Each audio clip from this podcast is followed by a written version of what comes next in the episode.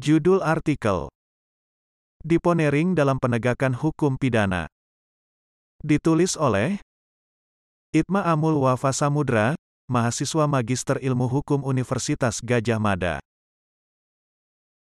Publik gaduh melihat kasus yang terjadi di Karawang. Seorang ibu rumah tangga yang berkonflik dengan hukum akibat laporan suaminya sendiri, karena dianggap melakukan KDRT psikis, sebab dimarahi oleh si istri ketika mabuk-mabukan yang akhirnya diadili ke meja hijau. Kontan hal ini menuai tanda tanya di tengah masyarakat, bukan hanya masyarakat awam.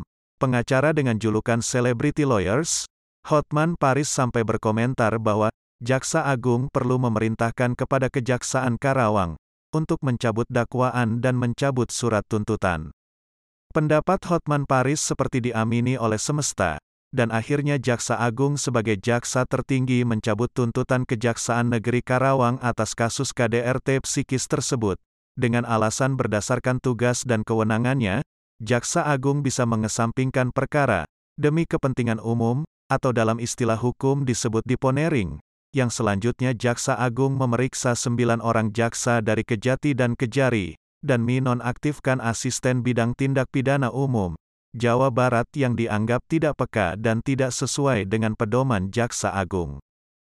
Dikutip dari Kompas TV, 2021.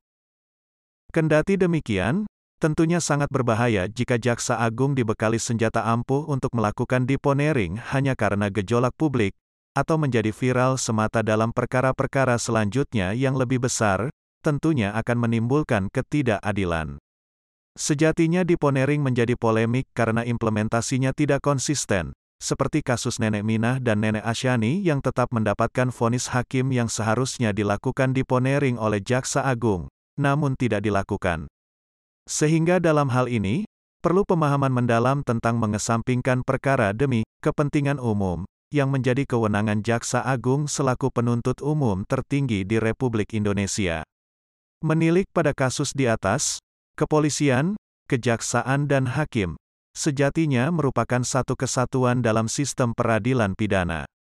Alur perkara dari kepolisian sebagai pintu gerbang utama dari tahap pelaporan, penyelidikan, penyidikan sampai pada penetapan tersangka, yang kemudian bila berkas perkara dinyatakan P21 atau berkas perkara dinyatakan lengkap, maka akan dilimpahkan kepada kejaksaan dan masuk pada proses penuntutan, dan paling akhir adalah putusan oleh hakim.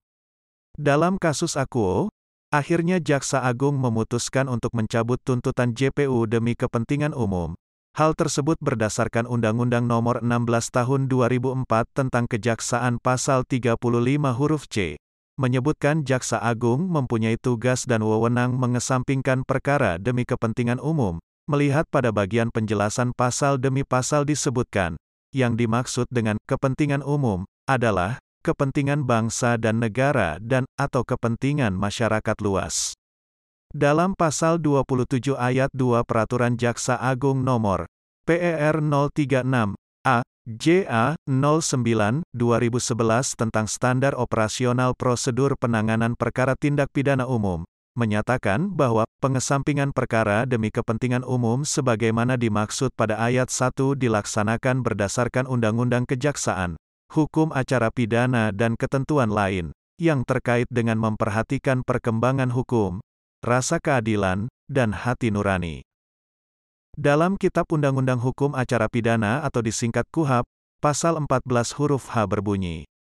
Penuntut umum mempunyai wewenang menutup perkara demi kepentingan hukum. Selain itu, kewenangan deponering Jaksa Agung berdasarkan pada asas oportunitas juga diakui dalam penjelasan pasal 77 KUHAP, bahwa, yang dimaksud dengan penghentian penuntutan, tidak termasuk penyampingan perkara untuk kepentingan umum yang menjadi wewenang Jaksa Agung. Asas kepentingan umum dalam Undang-Undang Nomor 16 Tahun 2004 tentang Kejaksaan pernah dilakukan judicial review di Mahkamah Konstitusi yang tertuang dalam putusan nomor 40 PUU 14 2016. Para pemohon mengajukan pakar hukum, salah satunya Prof. Dr. Romli Atmasasmita, SH, LLM yang berpendapat bahwa Pertama, kepentingan umum dalam pasal 35 huruf C Undang-Undang AKUO tidak memenuhi asas lex serta dan prinsip proporsionalitas dan subsidiaritas.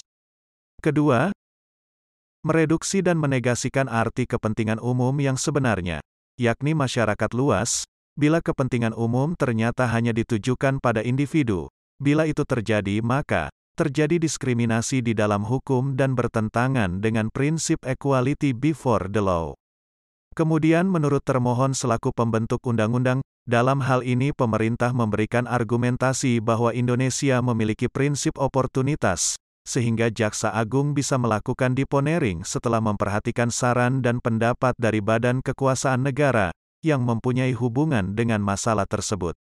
Melihat pada kedua pandangan di atas, bahwa hukum pidana yang menganut asas lex serta, lex scripta, dan lex stricta, menjadi loyo ketika dihadapkan pada asas oportunitas, sehingga Jaksa Agung memiliki kewenangan di ponering. Menurut penulis, memang perlu adanya asas oportunitas, untuk menjaga marwah proses penegakan hukum agar tidak terjadi kesewenang-wenangan, sehingga menciderai rasa keadilan masyarakat. Tindakan Jaksa Agung dalam perkara KDRT psikis ini sudah tepat, akan tetapi yang perlu menjadi catatan di sini adalah, kewenangan diponering Jaksa Agung seyokianya ditujukan kepada perkara-perkara yang lebih besar, dan memiliki dampak yang lebih luas, sehingga mempengaruhi pada stabilitas nasional. Oleh karena itu, hemat penulis, ke depan dalam perkara-perkara pidana yang tidak sampai mengguncang stabilitas nasional, pihak kepolisian dan kejaksaan sebagai garda terdepan harus mengedepankan asas dalam hukum pidana yaitu, ultimum remedium, bahwa hukum pidana hendaknya dijadikan upaya terakhir dalam penegakan hukum, bisa melalui pendekatan mediasi. Jika mediasi gagal maka, bisa dilanjutkan uji kelayakan perkara secara komprehensif, dengan mengedepankan prinsip kecermatan, kehati-hatian dan keadilan dengan membentuk tim eksaminasi khusus gabungan antara kejaksaan dan kepolisian untuk melakukan penelitian mendalam atas hasil penyelidikan, dan penyidikan yang kemudian dijadikan dasar apakah perlu dilakukan penuntutan atau tidak.